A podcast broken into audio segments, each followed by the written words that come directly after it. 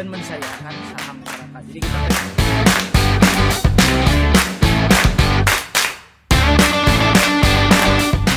beda sama Jakarta kalau orang Bandung tuh uh, listrik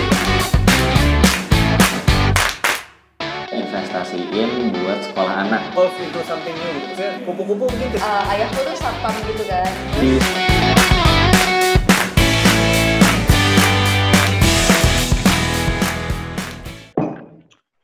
Ya langsung gue mulai ya. Eh, Assalamualaikum warahmatullahi wabarakatuh. Waalaikumsalam warahmatullahi wabarakatuh. Ya, eh, selamat pagi, siang, sore, atau kapan pun teman-teman eh, yang mendengarkan podcast ini kembali lagi bersama saya Panji di podcast ngobrol-ngobrol bisnis. Di depan saya, di depan saya udah ada Mas Ari Eko deh. Wis. Apa kabar, Ri? Baik, alhamdulillah eh, di rumah aja dan Kita waktu itu sempat podcastan kayaknya setahun setahun yang lalu ya atau eh tanggal bulan tahun berapa ya itu ya? Yang di Palembang Iya, itu kan kita ya. ya Ah. lama lama Iya. banget dan Kayaknya dua lebaran yang lalu ya, dua lebaran yang lalu ya. Hmm, Ah. Nah itu kan termasuk sebenarnya video yang eh audionya waktu itu cukup banyak. Kalau nggak salah ribuan lah, sekitar tujuh ribu gitu kalau di Spotify yang yang stream yang stream obrolan kita berdua waktu itu. padahal padahal waktu itu versi versi apa namanya versi audionya tuh kan waktu itu gue belum tahu format podcast kan waktu kita Hmm. recording itu jadi kalau gue kan nge-record hanya pakai kamera HP waktu itu Eh, nah terus mentahannya tuh udah udah hilang. Jadi yang gue upload ke Spotify adalah yang audio tapi gue potong-potong lagi. Gue potong dengan kasih insert pertanyaan. Kalau soalnya kalau yang di video di YouTube kan uh, konsepnya waktu itu masih apa? Uh, pertanyaan-pertanyaan tulisan gitu loh. Apa yang dimaksud kayak gini-gini gini lalu lo langsung jawab kayak gitu. Jadi padahal itu jelek banget kualitas kualitas audionya tuh. Cuma termasuk banyak yang ini banyak yang dengerin. Luar biasa Panji gitu loh. ya, ya maksudnya ada- ya mungkin kalau lo yang upload lebih banyak lagi ya cuman kalau kalau di level gue segitu udah lumayan lah gitu udah termasuk top 5 lah udah termasuk top 5 gitu.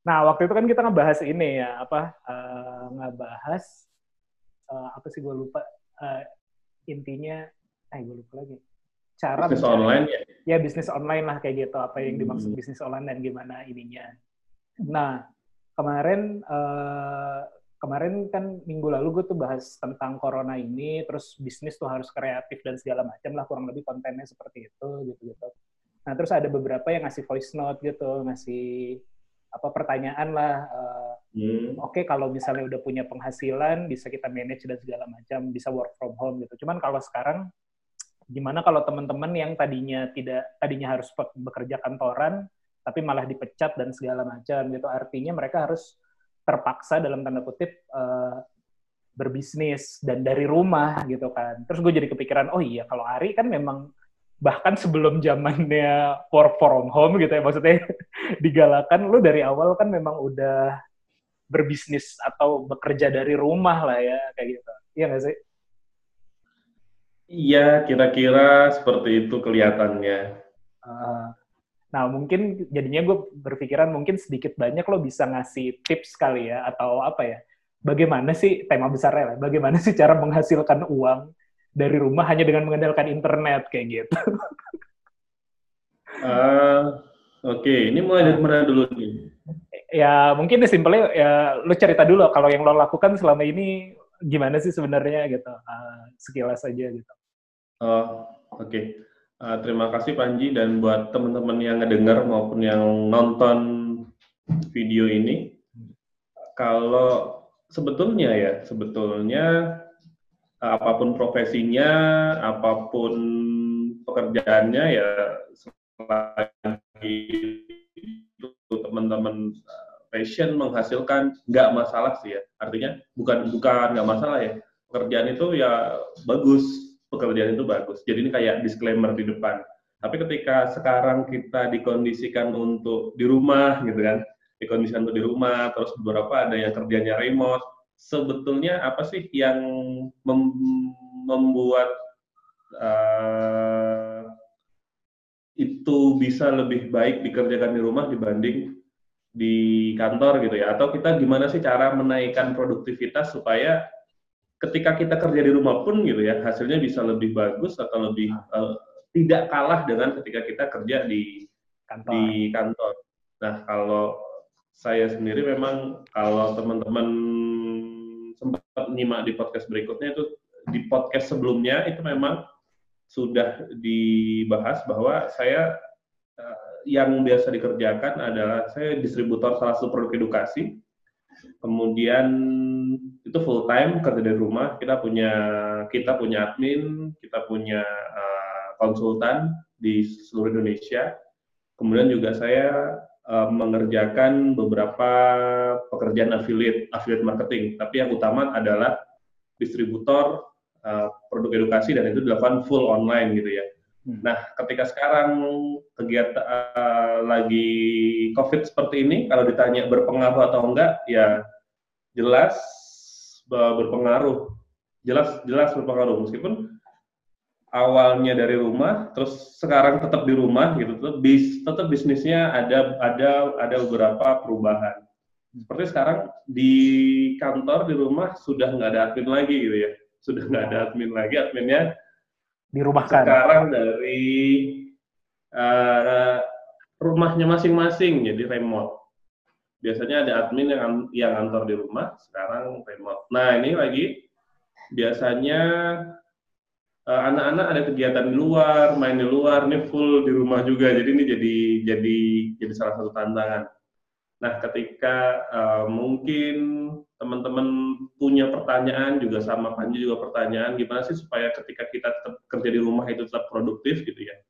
Tetap tetap tetap produktif. Kalau dari saya dari saya sebetulnya adalah ya kita perlu memanajemen waktu sebaik kita kerja di kantor. Jadi uh, banyak sekali ya teman-teman itu yang ketika kerja di rumah itu tidak uh, mudah untuk adaptasi, tidak mudah dengan adaptasi seperti apa. Misalnya gini, kalau di kantor itu kan enak banget ya, kita masuk kantor, kemudian ada jam, hmm. ada jam, ada teman-teman kantor, ada atasan misalnya gitu ya, dan kita udah tahu bahwa oh, pagi kerjaan kita apa, uh, siang kita istirahat, sholat gitu ya, kemudian melakukan pekerjaan lagi, terus pulang gitu ya, dan less distraction. Less distraction itu berarti minim uh, lebih minim gangguan gitu ya. Iya, iya. Ya, ya. Nah, ya. ketika kita di rumah, meskipun kelihatannya kita punya kebebasan yang lebih tentang waktu, tapi itu jadi hal yang nggak mudah ketika uh, pagi kita tidak harus mandi pagi gitu. Hmm. Kita tetap di rumah, kemudian kita uh, membedakan space antara kita kerja dan kita bersama keluarga itu jadi salah satu hal yang memang harus segera uh, apa ya harus segera kita putuskan cara agar kita tetap uh, bisa bekerja dengan uh, efisien dengan dengan optimal meskipun kita dari rumah. Kalau uh, kalau aku lihat gini, misalnya berarti itu menarik ya poinnya sebenarnya. Jadi uh, kita bedah satu-satu ya. Uh, mungkin yang pertama adalah uh, kerja di rumah pun sebenarnya harus produktif. Tentu saja dengan syarat macam-macam ya. Misalnya konsisten dengan waktunya. Kalau gue sendiri sebenarnya uh, pun sebelum masa ini sebenarnya sering kali memang kerja remote kayak gitu.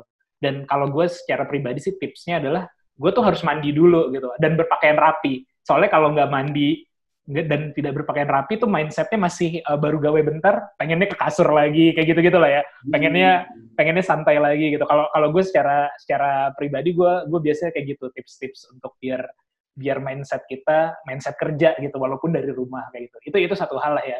Nah cuman sebenarnya yang lebih urgent kalau menurut gue untuk dibahas adalah yang kemarin uh, tadi ya yang kayak gue bilang banyak mungkin yang memang tadinya masih bisa kerja di kantor lalu pulang lalu dirumahkan. Dirumahkan dalam artian satu sisi kerjanya dari rumah dan efek kerja dari rumah tuh ada macam-macam ya. Ada yang memang gajinya tetap standar seperti biasa. Ada juga yang ternyata dipotong gitu. Ada juga yang kayak gue uh, di bisnis yang gue lakukan gitu ya. eh, beberapa karyawan gue yang akhirnya work from home, beberapa tunjangan hilang kayak gitu kan. Jadinya bagi mereka tentu saja pemasukan jadi sedikit berkurang gitu kan.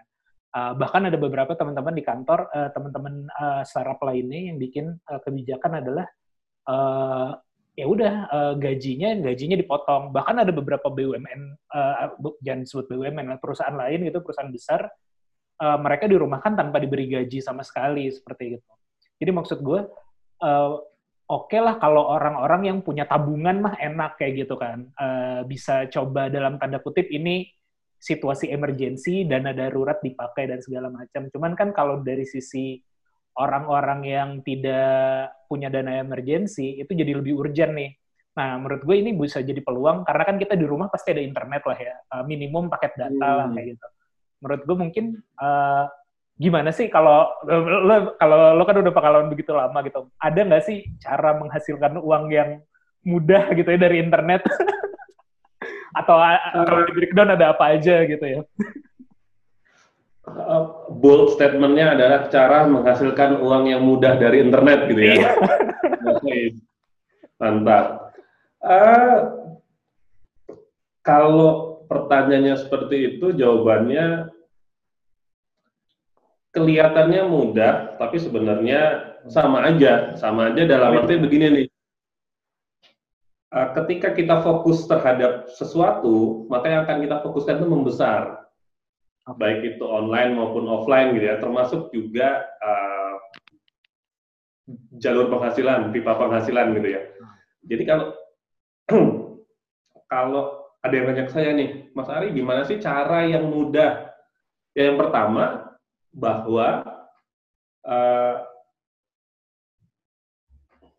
online itu juga sama aja, sama aja, nggak mudah. Kalau ada yang bilang mudah, uh, mungkin baru awal-awal baru ya. sebentar kali, baru sebentar.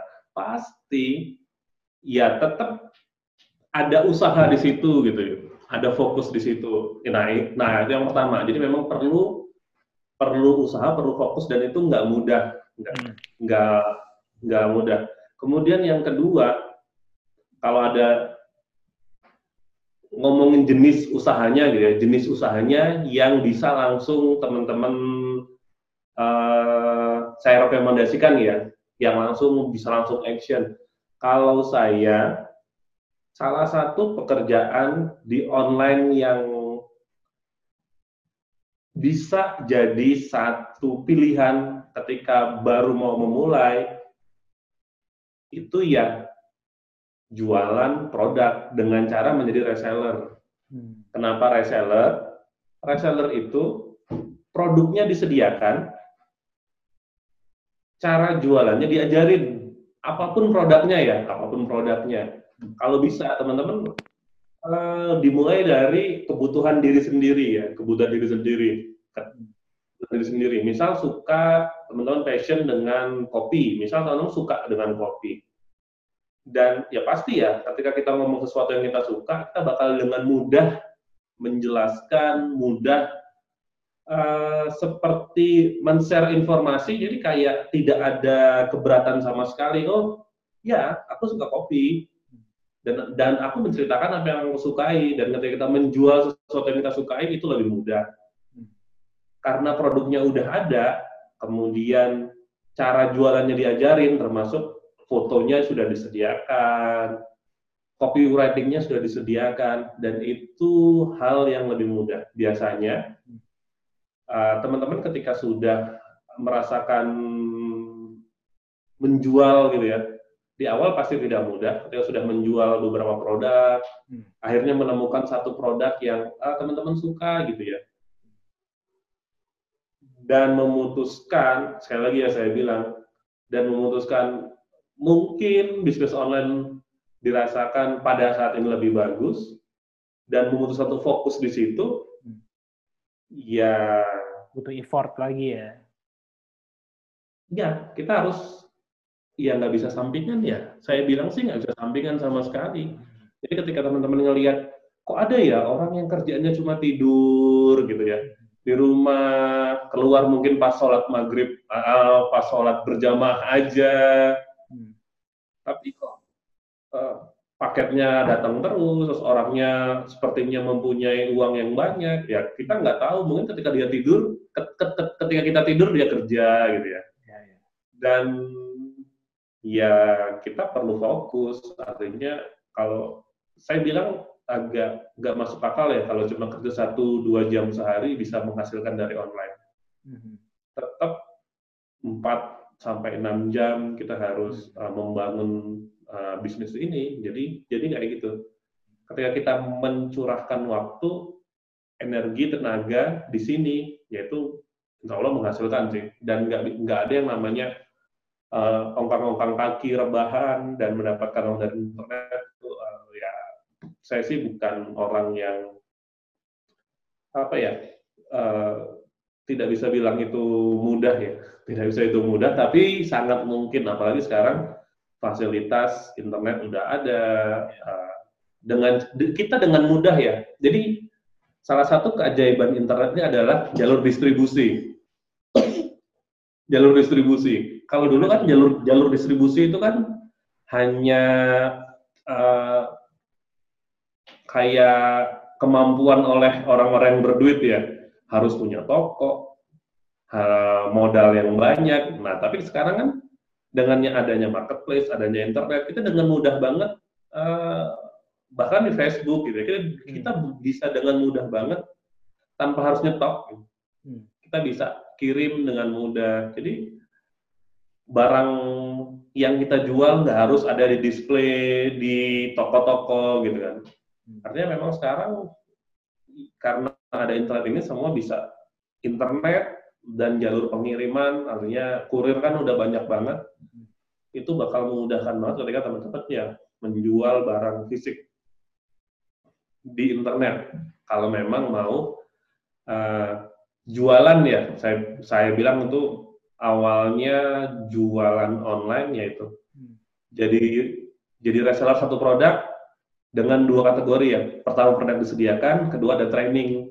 Jadi uh, itu bisa mempermudah teman-teman buat jualan online. Ya kalau di tempat saya itu ada begitu masuk produknya udah ada yang memang marketnya sudah ada, kemudian diajarin cara jualannya, dikasih copywritingnya, dikasih gambarnya, ada admin dedicated. Jadi kalau ada nanya apa pun selalu ada admin yang jawab di jam kerja ya Hmm. di jam kerja selalu ada admin yang menjawab jadi ya itu yang memudahkan Hmm. Uh, konsultan-konsultan reseller-reseller kita untuk menjual jadi uh, itu yang paling mudah kalau jualan online adalah jadi reseller kemudian kalau yang kedua kalau memang skill ya kita juga bisa jual skill di internet Hmm. ada beberapa marketplace yang juga bisa kita display skill kita dan itu juga bisa. Tapi memang kalau skill kalau Mungkin kayak belum- desain kayak gitu ya. Mungkin kayak skill desain atau skill apa ya bikin website kayak gitu yang memang kerjaannya bisa dari rumah itu bisa jadi opsi juga ya gitu ya. bisa, itu juga bisa. Tapi memang di awal kita perlu cari testimoni ya. Kalau skill itu di awal pasti kita bisa perlu cari testimoni dulu. Hmm. Nggak bisa langsung uh, jual mahal, tapi itu memang dibangun ketika udah jadi itu bisa bagus banget kalau skill ya. Kalau barang, kalau barang lebih cepat sih. Iya, iya. Kalau barang relatif lebih cepat jalurnya dibanding kita jualan skill. Tadi juga aku perhatiin kan sebenarnya berarti poinnya adalah eh, terkait dengan memotong jalur distribusi tadi ya dengan dengan online atau dengan digital mungkin juga bisa jadi poin adalah kita kan punya digital presence ya. Kayak akun sosial media kita tadi kayak Ari sempat singgung kayak Facebook kayak gitu atau Instagram. Itu kan sebenarnya bisa jadi dalam tanda kutip toko kita juga kan ya di masa seperti ini kan kita tidak eh, bis, apa ya kita tidak bisa interaksi. Misalnya kalau tadi mau jualan online gitu eh mau jualan jadi reseller suatu produk lah ya. Eh, kita tadinya harus ketemu fisik tapi sekarang kan nggak perlu juga gitu ya. Dengan adanya digital presence kita kayak akun sosial media kita dan segala macam itu bisa kita pakai juga buat ya membantu kita jualan gitu kan sebenarnya ya. Iya bener banget, Hmm. bener banget. Sebetulnya ya, sebetulnya ya jualan online kita menawarkan barang sesuatu itu almost almost gratis ya. Artinya kita bikin email, kita bikin sosial media, Hmm. kemudian di situ kita tentu sudah punya teman, tentu kita sudah punya eh ya temennya temen network lah ya network. Kalau Facebook ya 5000 misalnya maksimalnya, kalau Hmm. Instagram lebih lebih le- le- lebih banyak lagi.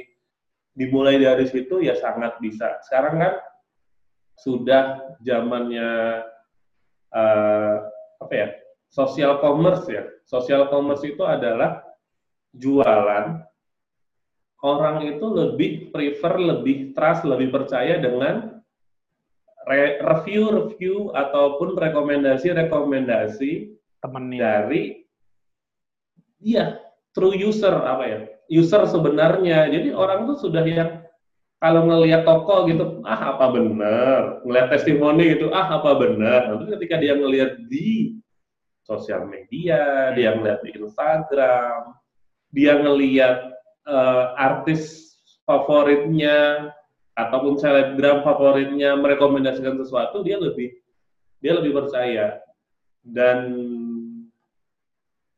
itu yang bisa teman-teman manfaatkan. Tapi juga perlu diperhatikan bahwa kalau saya ya, kalau saya orang itu kan suka beli, suka belanja, Hmm. tapi nggak suka merasa dijualin gitu ya. Orang itu Yeah. suka beli, tapi dia nggak suka yang apa sih? Orang ini jualan terus, tetap, tapi Yeah. sebenarnya dia suka konsumen tuh suka beli, tapi ya, ya gitu ya nangkep ya. Terlalu over males juga lah gitu ya. Heeh.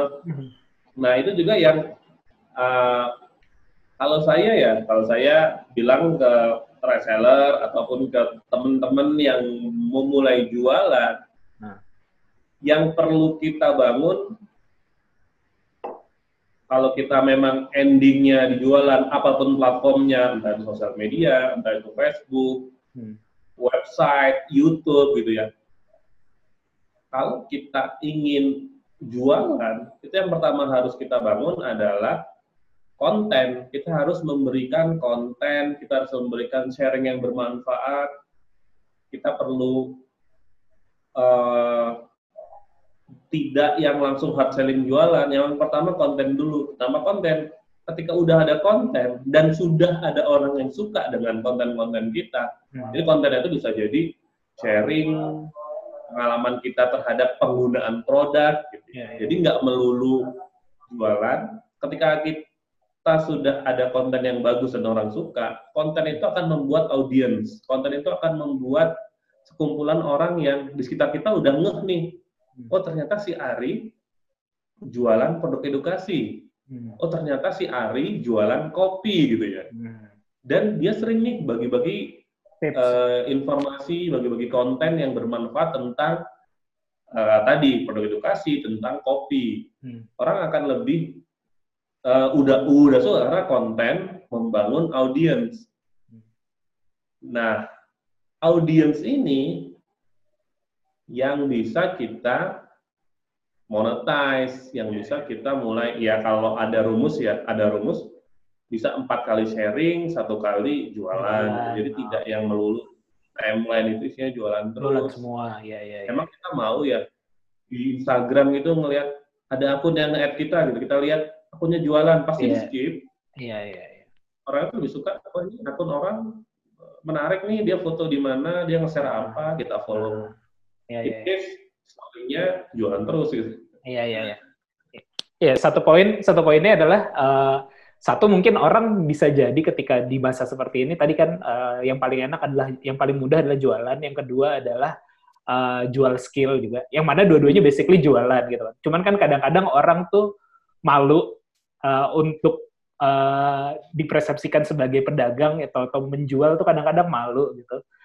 Tapi di sisi lain pun eh, tapi di sisi lain pun sebenarnya eh, orang tuh eh, males kalau terlalu banyak jualan. Jadi memang harus menemukan celahnya ya. Kita harus berani jualan tapi tidak over juga. Dan juga pun kalau ju ya tadi biar tidak terlalu fit kita atau konten kita tuh tidak baru jualan ini, besok jualan ini lagi, besok jualan ini gitu kan. Malesin juga gitu kan ya. Eh, yang pasti kita harus memilih satu niche khusus ya, satu Ah. niche khusus. Nggak bisa Jualan segalanya. Istilahnya, ya, istilahnya kita perlu mendefinisikan mendefinisikan customer kita. Ya. Mungkin kalau anak-anak bilang customer avatar ya. Ya. Persona, kalau customer persona. Kita harus mendeskripsikan customer kita. Ah. Kita harus mendeskripsikan ya, produk ini, MOS misalnya. MOS ini Ah. paling cocok siapa sih ya Ya, ya. yang ngebeli gitu ya. Nah, ketika kita sudah mendeskripsikan customer avatar kita, ya kita akan memberikan konten di sekitar customer avatar kita yang kira-kira dia sukai gitu ya. Jadi enggak sangat tidak direkomendasikan berubah-ubah. Misal hari ini jualan jualan kopi, besok jualan spray, besok jualan mukena, besok jualan kurma, ya itu orang Ya. tidak Ya. ada audiens yang terbangun akhirnya. Iya, iya, iya.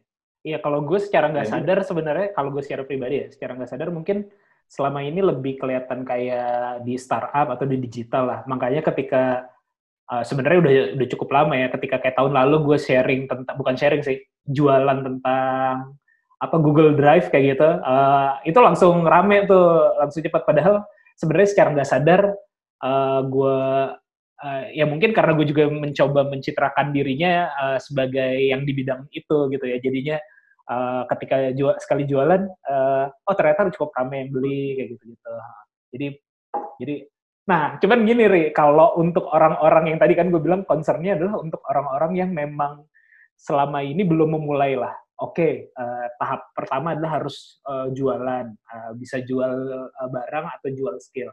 Cuman produknya gimana ri? Gimana di mana tempat kita mencari produk reseller itu yang bisa kita reseller apa lo jangan-jangan lo ada produk gitu lebih bagus lagi Eh. kalau lo ada produk gitu Ya paling mudah sebetulnya sebut merek ya. Hmm. Paling mudah itu ngeriset produk ya marketplace Tokopedia. Orang biasa nyari barang buat dijual lagi biasanya dari Tokopedia. Nah. Mungkin ada yang dari marketplace lain, tapi menurut saya idealnya, bukan idealnya ya, umumnya yang pertama kali muncul distributor supplier itu bu- buka Tokopedia. Jadi biasanya di bisa jadi kalau ada di marketplace yang lain itu udah udah ada di udah Tokopedia reseller, Hmm. sudah tangan keberapa gitu. ya. Biasanya ada di Tokopedia. hmm. Itu kalau memang mau yang produk yang langsung bisa dijual ya, yang udah yang langsung bisa beli putus atau yang dropship karena juga Tokopedia ada fitur dropship ya. Ada oh di Tokopedia tuh udah ada fitur dro- dropship jadi eh, kita cuman dropship. kayak Betul. kita cuman kayak bikin tokonya padahal barangnya sebenarnya dari toko lain kayak gitu ya Iya, kita misal jual di Facebook nih atau jual di marketplace Face- Mar- Facebook kan juga punya marketplace ya. Iya. Atau kita jual di marketplace lain atau kita jual di Instagram. Di Tokopedia itu ada fitur dropship. Eh, Kalau dicentang, kita bisa merubah nama pengirim sama nomor telepon. Oh, jadi nanti ketika Jadi- se- jadi barang itu di- eh jadi barang itu dikirimkan oleh si toko aslinya tapi dengan menggunakan label nama yang kita pengenin kayak gitu ya. exactly benar. Keren-keren, gue baru tahu nih. Aduh. Ke mana aja? Teman-teman juga ada yang baru tahu, ada yang sudah Ya, ya, ya. Ah, Terus ya tinggal di sort aja. Jadi tinggal kita main filter. Kalau saya biasanya filter yang uh, misal bintang 4 ke atas, mhm. produk uh, produk di satu kategori bintang 4 ke atas, kemudian ngelihat sudah terjual berapa, Hmm. ngelihat kolom komentarnya. Jadi Hmm. kalau yang sudah terjual ribuan, bintangnya banyak itu bisa itu bisa jadi satu tanda bahwa toko itu bagus. Atau bisa dimulai dari yang tadi, apa yang kita butuhkan, apa apa yang kita sukai. Nah, itu yang pertama kalau mau main jualan di uh, ambil barang di marketplace. Kemudian kalau mau ambil apa ya? Kalau mau kalau kayak kayak kayak aku nih ya, aku, aku kan eksklusif, aku distributor eksklusif gitu ya, distributor eksklusif di tiga raksa. Hmm. Kalau mau yang seperti aku atau di perusahaan-perusahaan lain, ya caranya adalah mendaftar sebagai konsultan. Kalau kalau aku awalnya adalah konsultan buku. Jadi pada dulu, dulu pada pada awalnya di Tiga Raksa itu ada produk Hafiz Doll, boneka. Ada di ruangan sebelah sih. Ya, ya, ya. Boneka dan isinya murotal, isinya ada kisah Nabi, dan itu tidak dimiliki oleh perusahaan lain dan bagus. Pada saat itu momennya juga lebaran. Istriku, kok kayaknya pengen ya, pengen punya ya. Akhirnya reseller nih, awalnya reseller jualan itu. Karena momennya lebaran, momennya itu pas, ya orang lagi, pada saat itu pas banget, 2015 kalau nggak salah. 2015 itu penjualan tinggi banget. Ketika pertama kali jadi reseller, penjualan itu sudah tinggi, padahal produknya premium. Pada saat itu harganya sudah 1,2 jutaan kalau nggak salah. Hafiz Dol 2 Itu, juta. itu mungkin premium tapi penjualannya cukup, menurut kita cukup tinggi gitu ya, karena mungkin momennya pas. Hmm. Cukup tinggi dan akhirnya setelah jadi reseller, itu juga nyari di Google gitu. Ada nggak sih orang yang buka reseller Hafiz Doll gitu ya? Kita buka di Google, reseller Hafiz Doll ada salah satu Hmm. toko, kita jadi reseller, penjualan bagus, pada saat itu eh, disarankan Hmm. untuk udah jadi konsultan aja, udah daftar aja ke kantor supaya resmi sebagai eh, konsultan dan, dan kita daftar daftar Hmm. dan ternyata banyak produknya ada ada Hafiz Doll, ada ada Al-Qur'an. Sekarang-sekarang malah jadi ada eh, alat masak, ada beras. Jadi pilihannya sudah banyak Hmm. Dan eh, sampai sekarang itu sih alhamdulillah karena pilihan produknya banyak kita bisa memilih oh produk mana yang mau kita jual. Hmm. Jadi seperti itu dan banyak perusahaan-perusahaan lain yang mungkin serupa gitu ya Hmm. mungkin serupa punya produk dan kita bisa daftar sebagai konsultan di situ. Aku nggak bisa sebut nama perusahaan lain ya, nanti Ya, ya. tidak etis. Tapi nyebut perusahaan gua aja. Ya, jadi tadi ya, berarti poinnya adalah yang satu eh, bisa cari di Gu- eh, di Tokopedia gitu ya, di Tokopedia Betul. uh, produk-produk yang dropshipper dan mungkin kita bisa by feeling ngerasa ataupun by riset kita sendiri kita ngerasa oh produk ini kayaknya akan laku di pasaran kita bisa coba bantu uh, jadi dropshipper atau reseller mereka gitu ya dan caranya pun sudah mudah banget ya di Tokopedia tadi ya kayak gitu terus yang kedua Betul. kalaupun mau cari produk di luar Tokopedia kita bisa googling gitu ya googling reseller apa gitu siapa tahu ada nah kita bisa membantu uh, membantu jualan uh, produsen kita, tapi juga kita dapat komisi yang lumayan ya, Ri, ya, komisinya ya, Ri. Ya lumayan, lumayan banget. Lumayan banget ya. Nah, kalau kalau produk digital ada nggak? Misalnya kalau kalau nggak aku salah ingat kan kamu dulu juga jualan punya suatu sistem atau punya suatu website untuk nge, jadi referral untuk produk-produk kayak di produk-produk digital gitu kan ya. Uh, itu gimana tuh kalau kayak gitu?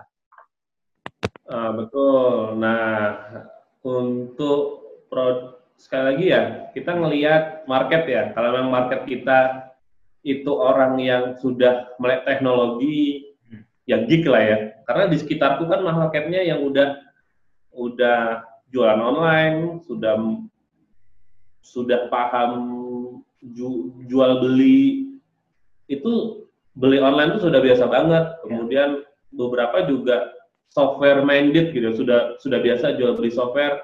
Hmm. Itu bisa kita menjualkan software Hmm. dan kategorinya banyak ya, kategorinya banyak, ada grafis, ada uh, software, ada macam-macam software pun ada beberapa kategori.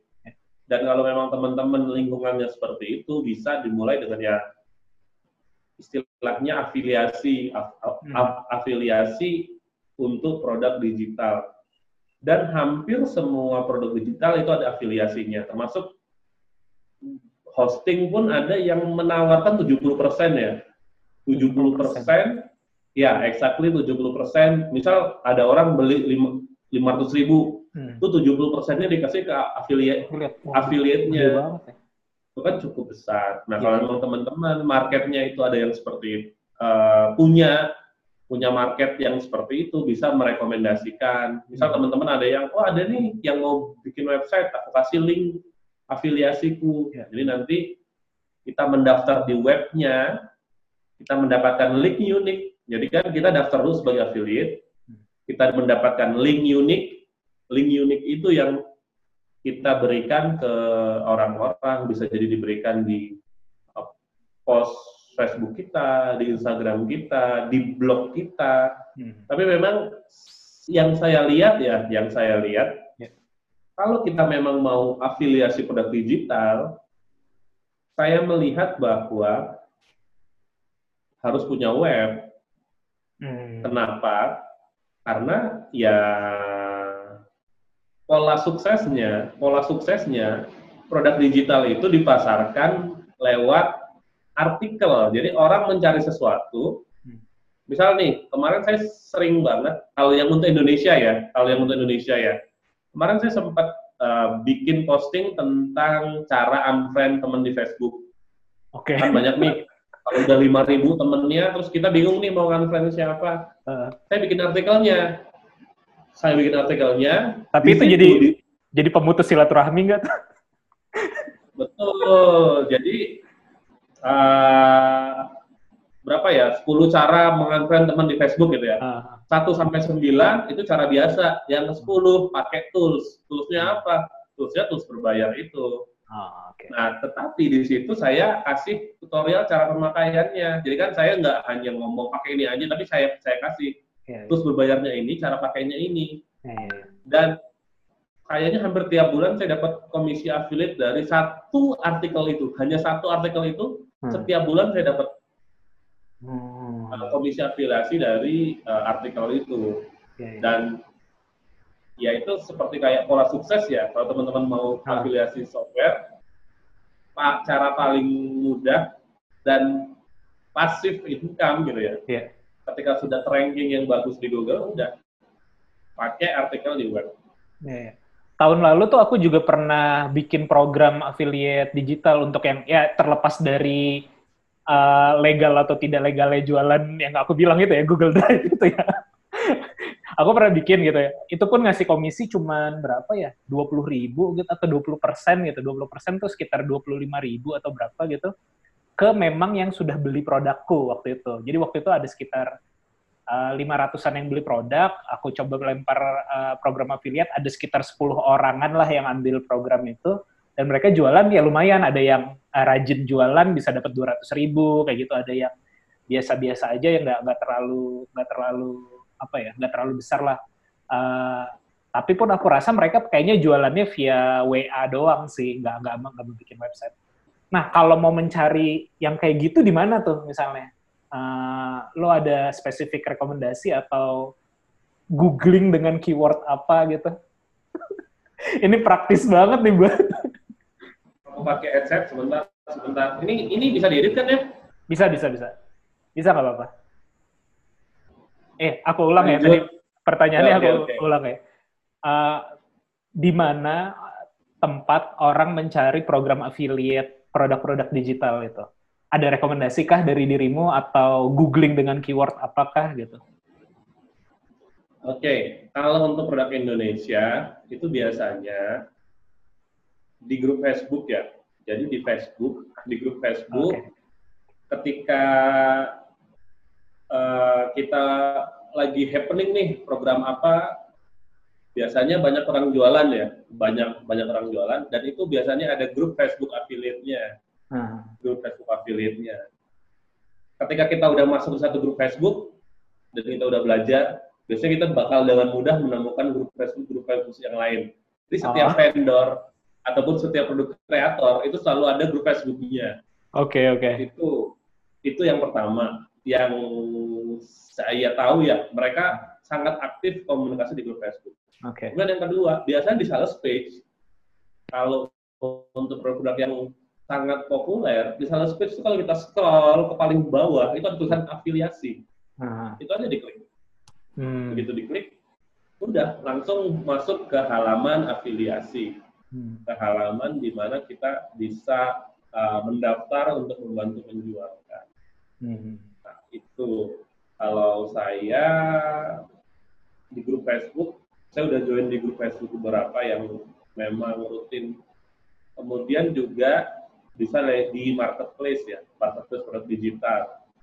produk digital juga itu ada di ratakan.com itu juga produk digital meskipun saya bilang sekarang banyak produk kreator yang tidak lewat marketplace karena dia udah megang nih affiliate-affiliate-nya dia udah kumpul di kumpul di satu grup Facebook gitu ya Hmm. ya udah langsung aja tanpa lewat lewat, lewat marketplace karena dia udah udah percaya diri dengan iya. uh, affiliate yang banyak yang sudah ada di grup Facebook. Oke. Kalau kalau saya untuk in, afiliasi Indonesia sekarang tidak begitu aktif ya, tidak begitu aktif jor-joran karena ya kalau yang saya pakai saya suka saya rekomendasikan karena itu bukan apa ya, bukan utama, Hmm. bukan income utama. Kalau saya yang lebih menghasilkan malah affiliate produk luar Hmm. software luar negeri dan tanpa buka dan itu mainnya ya di grup Facebook dan di grup Website. Facebook sebagai uh, dan di website. Hmm. Banyak penjualan berasal dari website. Hmm. Iya, iya, iya. Iya, yang kayak kalau nggak salah kita omongin uh, di podcast kita sebelumnya kan, uh, kayak lo bikin artikel misalnya uh, komparasi ini dengan ini atau bikin artikel bahasa Inggris apa, orang uh, yang yang mana apa namanya uh, Google page-nya itu cukup tinggi gitu ya, Google rankingnya cukup tinggi. Betul. Jadi nanti orang ngeklik dan beli dari apa ketika klik dari situ masuk uh, ke uh, dapat affiliate kayak gitu kan ya. Oke, berarti kita Betul. udah breakdown beberapa cara nih. Ada lagi nggak sih? Uh, mungkin terakhir ya, ada ada cara terakhir nggak sih untuk kan tadi satu jualan produk fisik bisa cari di Tokopedia, bisa cari di Google juga, terus juga mungkin jual jasa itu lebih mudah lah banyak orang punya kalau ada orang yang punya skill bisa terus jual produk digital itu yang ketiga yang tentu saja masing-masing jualan ini ditentukan atau di kita tentukan berdasarkan tadi ya uh, persona kita di sosial media atau ya circle kita melihat kita seperti apa itu bisa disesuaikan gitu. Misalnya kalau uh, bagi ibu-ibu mungkin grupnya adalah grup uh, mamah-mamah muda gitu, makanya cocoknya jualan produk-produk misalnya uh, buku anak atau popok atau sejenisnya lah. Cuman kalau orang-orang tertentu ya melihat profil diri sendiri juga. Ada lagi nggak cara lain? Eh, tadi ya, kalau saya recap, yang pertama jual produk dropship, yang kedua jual skill, yang ketiga afiliasi produk digital. Ya, cara yang lain, ya seperti yang ya ini cara yang lain yang sekarang sangat populer ya sadar nggak sadar cara yang lain jadi, jadi influencer Oke. oke sekarang kan lagi happening banget ya Aha. selebgram youtuber dan itu sudah jadi profesi. Ya, ya. meskipun itu sebenarnya belakangnya banyak banget ya. Belakangnya itu ya jualan produk juga. Belakangnya itu ya uh, uh, misal dia jual skill ya dia bisa jual skill juga. Dan profesi yang keempat ini yang sekarang juga banyak di menjadi idaman para anak-anak milenial ya dengan sosial media dia cari follower yang banyak kemudian di situ dia bisa jual paid promote dia bisa jual story di Instagramnya. Oke. atau kalau bikin YouTube subscribernya udah banyak dia bisa jual slot di videonya. Karena yang saya tahu untuk promosi yang seperti itu banyak. Online shop online shop yang baik yang mau bayar Hmm. bahkan Oh, iya, iya.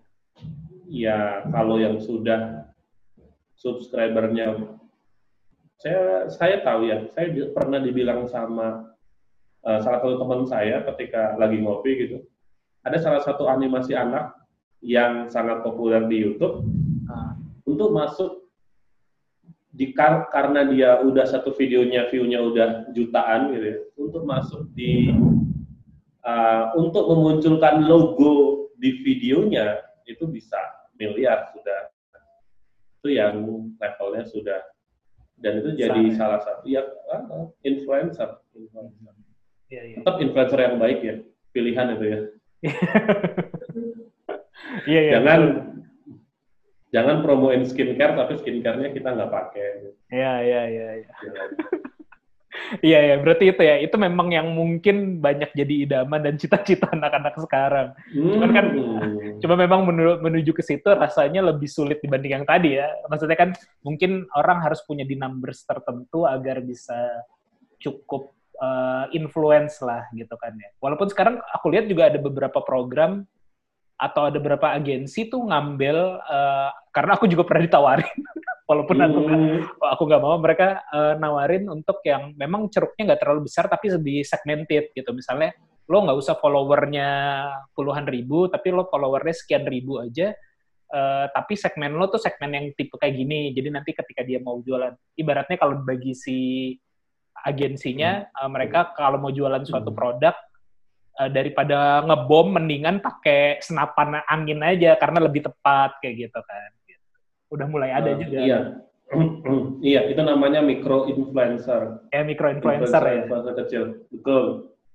Ka- Karena memang agensi itu memang ada salah satu software ya, salah satu software yang saya uh, tahu, Hmm. dia bisa nyari kayak top influencer. Top influencer itu di produk ini, Hmm. misalnya skincare gitu ya, atau produk edukasi anak gitu ya. Hmm. Siapa sih yang sering nge-tweet atau siapa sih yang sering nge-post tentang ini. Nah, dia bisa nge Ah, ah, tentang parenting misalnya. Dia nanti bisa nge-sort. Oh, akun sosial media ini sering banget nih uh, mention kata-kata parenting. Ah. Dia punya follower segini. Nah, itu nanti akan ada urutan listnya. Oh. Jadi dia kayak men-script sosial media, Instagram, Ya, YouTube, ya, ya. uh, Facebook, Twitter. Ah. Nah, mungkin aja akun kita nyangkut nih di salah satu Salah satu. yang terdeteksi di program itu bahwa Ah. kita sering mention kata-kata itu dan dianggap Hmm. kita micro influencer di situ. Jadi Hmm. uh, kalau memang kita sudah punya sosial presence yang besar, sosial follower yang besar, datang sendiri kok uh, Iya, iya, iya. orang yang mau iklan sama kita. Iya, iya, iya, iya, keren banget sih. Iya. Ah, iya, sama kalau yang sos, eh, aku kan juga di YouTube ya. Eh, YouTube sebenarnya tapi nggak ter nggak nggak diaktifin juga sih ininya apa namanya monetizingnya gitu. Cuman kalau yang di podcast tuh kan aku mulai aktifin per bulan kemarin atau bulan apa ya? Bulan Hmm. Februari kalau nggak salah. Itu juga ternyata ada apa namanya?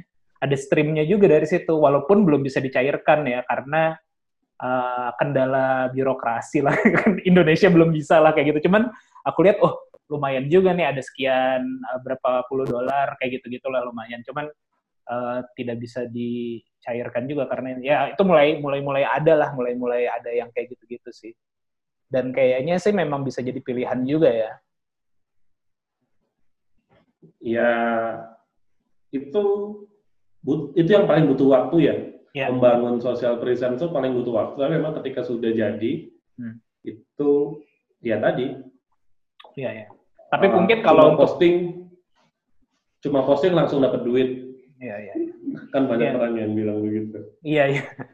Tapi uh, tapi mungkin yang paling visible untuk dilakukan untuk oleh orang banyak kayak tadi ya jualan-jualan itu ya, jualan digital kayak jualan uh, produk fisik kayak atau jualan skill itu di masa-masa sekarang ini gitu.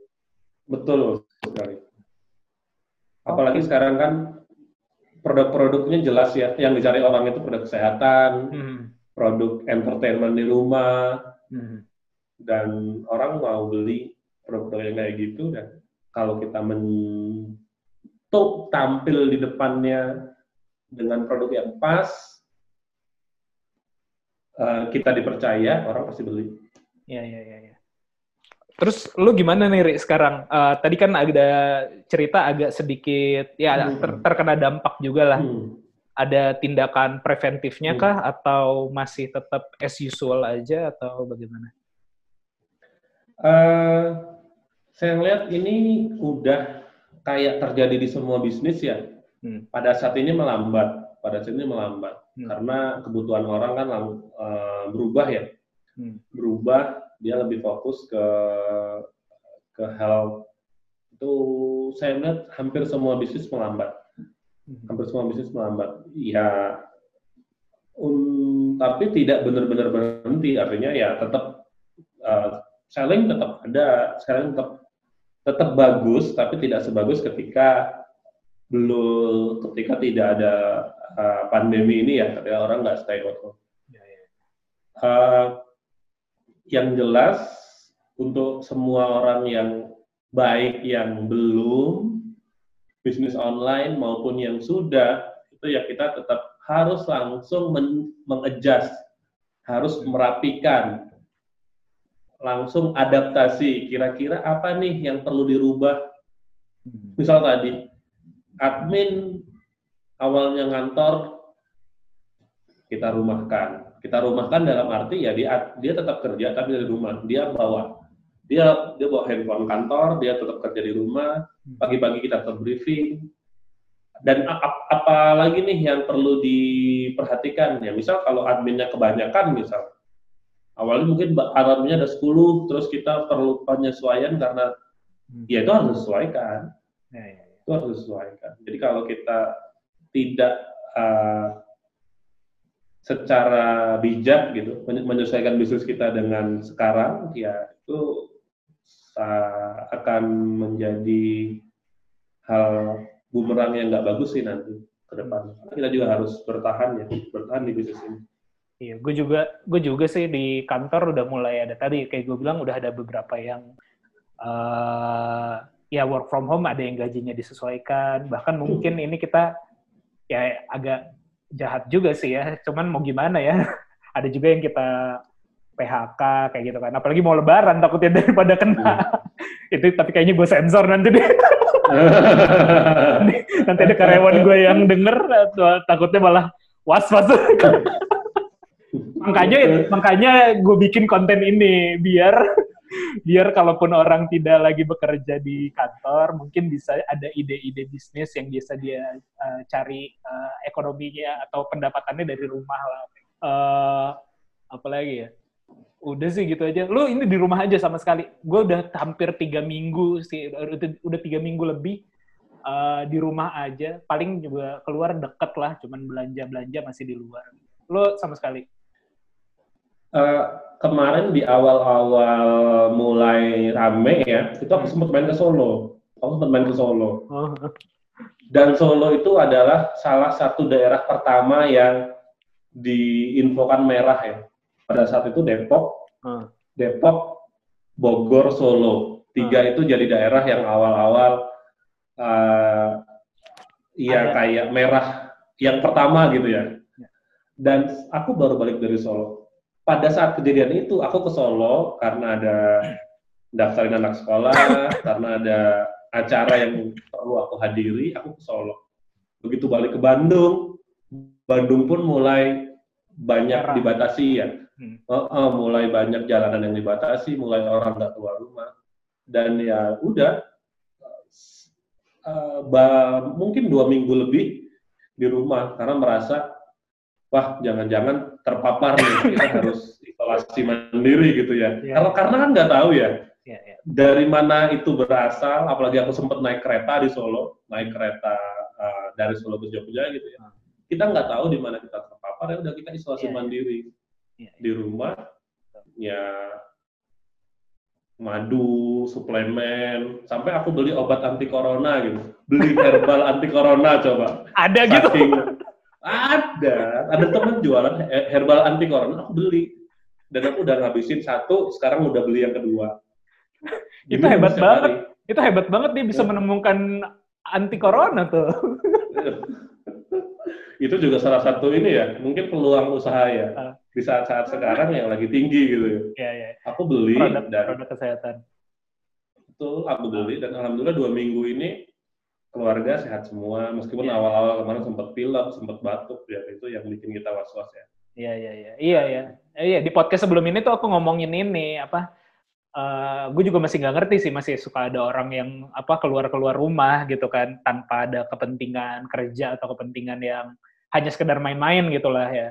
Eh, padahal sebenarnya kita menyikapinya kalau kemarin tuh gue istilahnya tuh ini eh, eh, either eh, antara kita dua hal gitu. Kalau kita keluar rumah eh, antara satu mungkin kita sudah kena tapi nggak punya simptom. Kalau kita keluar rumah kita bisa nularin orang. Atau Betul. yang kedua adalah kita masih belum kena, kalau kita keluar kita bisa tertular. Jadi dua-duanya bahaya gitu loh. Bahaya yang Iya. satu bahaya buat orang lain, yang satu bahaya buat kita gitu. Jadi ya cukuplah nih orang-orang nggak usah keluar rumah dulu lah gitu ya. Tenang-tenang di rumah gitu ya. Ya kalau nggak urgent-urgent banget. Gitu. Iya. Oke, Ri, thank you ya. Waktunya nih. Yap. Eh, semoga semoga ada manfaatnya apa yang kita obrolin. Mudah-mudahan ya buat orang banyak. Eh, dan Oke. Nanti ada link podcast sebelumnya ya di yang bawah. yang itu ya, orang, eh, yang kita di Palembang itu ya. Iya, Oh, terus gue iya, juga kelihatannya udah udah nggak akan mudik ke Palembang nih kayaknya tahun ini. Jangan kan Palembang ke Jakarta juga kayaknya nggak pulang nih, aduh. Bingung juga dah. ya diambil hikmahnya aja. Oke, Ri, thank you ya. Gue stop dulu Oke. ini. Eh, biar biar recordnya kita stop ya. Sekian, Eh, makasih yang udah dengerin sampai akhir. Assalamualaikum warahmatullahi wabarakatuh. Waalaikumsalam warahmatullahi wabarakatuh.